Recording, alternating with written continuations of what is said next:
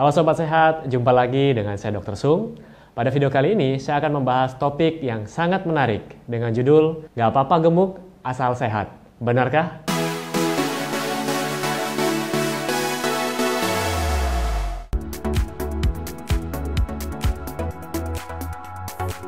Jadi Sobat Sehat, saya sering mendengar banyak orang berpendapat atau memberikan nasihat kepada saya. Gak apa-apa dok, saya gemuk, yang penting saya sehat. Mungkin Anda juga sering mendengar nasihat-nasihat mungkin dari teman-teman Anda atau dari orang tua Anda atau mungkin dari senior Anda, ya. Atau mungkin bahkan Anda sendiri berpikiran hal yang seperti ini. Di sini banyak juga orang tua yang senang jika anaknya gemuk. Mereka menganggap bahwa gemuk itu merupakan sesuatu hal yang lucu, menggemaskan, dan secara tidak langsung anak ini merasa bahwa wah orang tua saya senang jika saya gemuk. Wah, orang tua saya senang jika saya makan banyak. Akhirnya anak ini terbiasa dengan ucapan-ucapan, dengan pujian yang mengatakan bahwa ih lucunya kamu, menggemaskan. Akhirnya anak ini akan makan dengan porsi yang sangat banyak dan lama-kelamaan akan mengalami obesitas. Mengapa anak ini susah untuk menormalkan kembali berat badan mereka? Karena mereka terbiasa dengan pujian-pujian tadi, terbiasa dengan makan dalam jumlah besar. Di sini saya mau mengatakan bahwa anak yang suka makan anak yang tidak cerewet memilih makanan sebenarnya memiliki nafsu makan yang baik. Nafsu makan yang baik ini juga merupakan atau menandakan bahwa si anak ini merupakan anak yang sehat. Namun, membiasakan anak untuk makan dalam porsi yang besar, dalam jumlah yang besar, dan sering, ini sebenarnya tidak baik buat mereka. Nah, hal ini bukan hanya berlaku untuk anak-anak.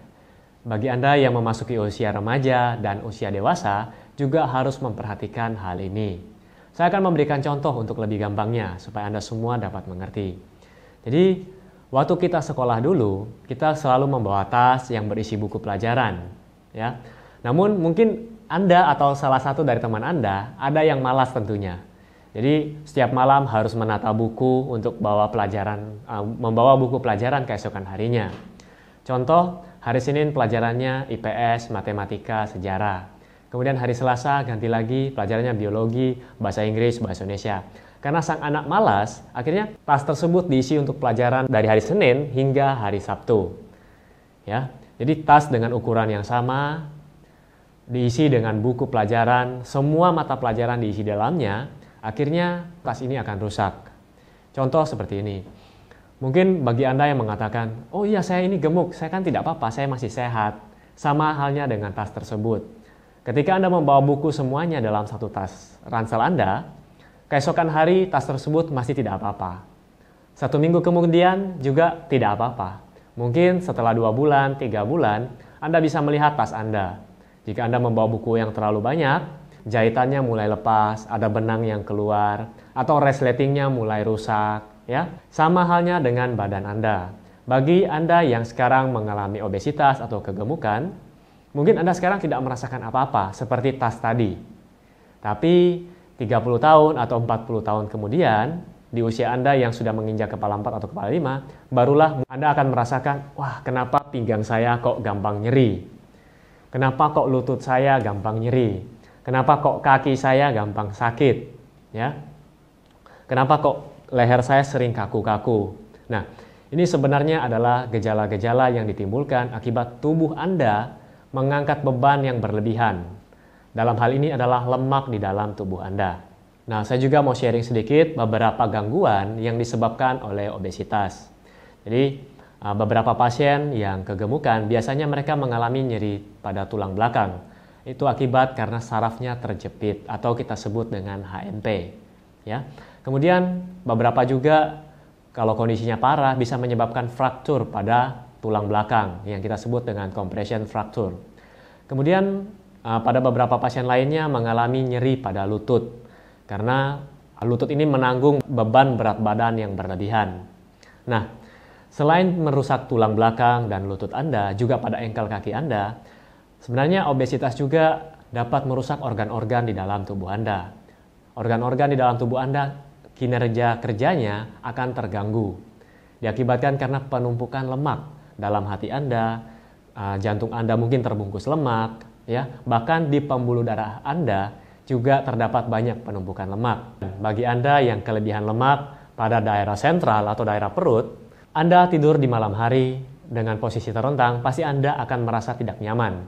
Anda akan merasa sesak, ya. Mungkin Anda bisa bayangkan uh, sebuah barbel 5 kg atau 7 kg berada pada perut Anda atau dada Anda. Itulah perasaan mereka bagi mereka yang menderita obesitas. Nah, sebenarnya sobat sehat, obesitas ini sudah dikategorikan sebagai suatu penyakit. Mungkin masih banyak dari Anda yang tidak mengerti, kapan sih saya dikatakan obesitas? Kapan saya dikatakan oh overweight? Kapan berat badan saya dikatakan normal? Nah, untuk Anda yang masih bingung, anda boleh melihat rumus di bawah ini. Jadi Anda boleh pause video saya, Anda boleh ambil kertas, ambil pulpen, atau mungkin kalkulator. Anda boleh menghitung berapa uh, body mass index Anda. Jadi dengan menggunakan rumus tadi, coba Anda hitung. Dan kemudian Anda masukkan dalam tabel di bawah ini. Oke, jika sudah, badan Anda atau BMI Anda masuk kategori yang mana? Apakah underweight, apakah normal, apakah overweight, atau sudah masuk obesitas. Dan jika sudah masuk obesitas, obesitas yang manakah Anda? Nah, bagi sobat sehat yang berat badannya normal, saya ucapkan selamat buat Anda semua. Dan saya sarankan agar Anda tetap mempertahankan berat badan Anda yang sekarang. Namun bagi Anda yang sekarang kelebihan berat badan atau bahkan sampai obesitas, cobalah berusaha untuk menurunkan berat badan Anda. Cobalah lakukan program diet yang teratur dan tidak menyiksa tubuh Anda. Bukankah badan Anda atau tubuh Anda harganya lebih mahal daripada sebuah tas sekolah? Ya kan? Mungkin tas sekolah Anda yang rusak, Anda dapat membelinya dengan harga 300 ribu, 400 ribu, itu pun sudah dapat tas dengan kualitas yang baik. Namun, jika organ tubuh Anda rusak, misalnya hati Anda rusak atau jantung Anda rusak, akibat kelebihan lemak pada tubuh Anda, berapa harga sebuah jantung. Nah, tentu saja Anda tidak mungkin mendapatkan sebuah jantung dengan harga 1 juta, 2 juta rupiah. Dan ini banyak sekali mereka yang akhirnya menghabiskan uang mereka yang mereka cari selama bertahun-tahun hanya untuk mengobati penyakit mereka di kemudian hari. Ya. Jadi saya bisa ibaratkan bahwa penumpukan lemak ini seperti bom waktu yang akan meledak kapan saja. Mungkin tidak sekarang, tapi di usia Anda kelak, di usia Anda kepala 4, 40 tahun ke atas atau 50 tahun ke atas, ini akan bisa menjadi uh, sebuah penyakit yang akan menghabiskan uang yang selama ini Anda kumpulkan. Jadi sobat sehat, di video kali ini saya akan memberikan pesan buat Anda semua bahwa jangan menganggap bahwa saya masih muda, saya masih mempunyai tubuh yang sehat, saya tidak mempunyai keluhan. Jadi punya tubuh yang gemuk itu tidak apa-apa. Nah, untuk sobat sehat semuanya, bagi Anda yang sekarang mengalami kelebihan berat badan atau obesitas, cobalah berusaha untuk menurunkan berat badan Anda. Mungkin Anda boleh tonton video saya yang sebelumnya di sini, bagaimana cara menurunkan berat badan dari 100 kg menjadi 50 kg.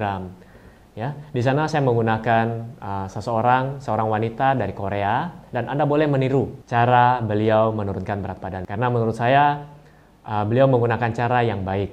Oke, okay? Dan di sini saya mempunyai pesan juga buat Anda, mempunyai tubuh yang sehat itu dibangun dari kebiasaan setiap hari. Begitu pula dengan tubuh yang sakit. Jika Anda menyukai channel kesehatan seperti ini, Anda boleh klik like di bawah ini, subscribe, dan share pada teman-teman Anda.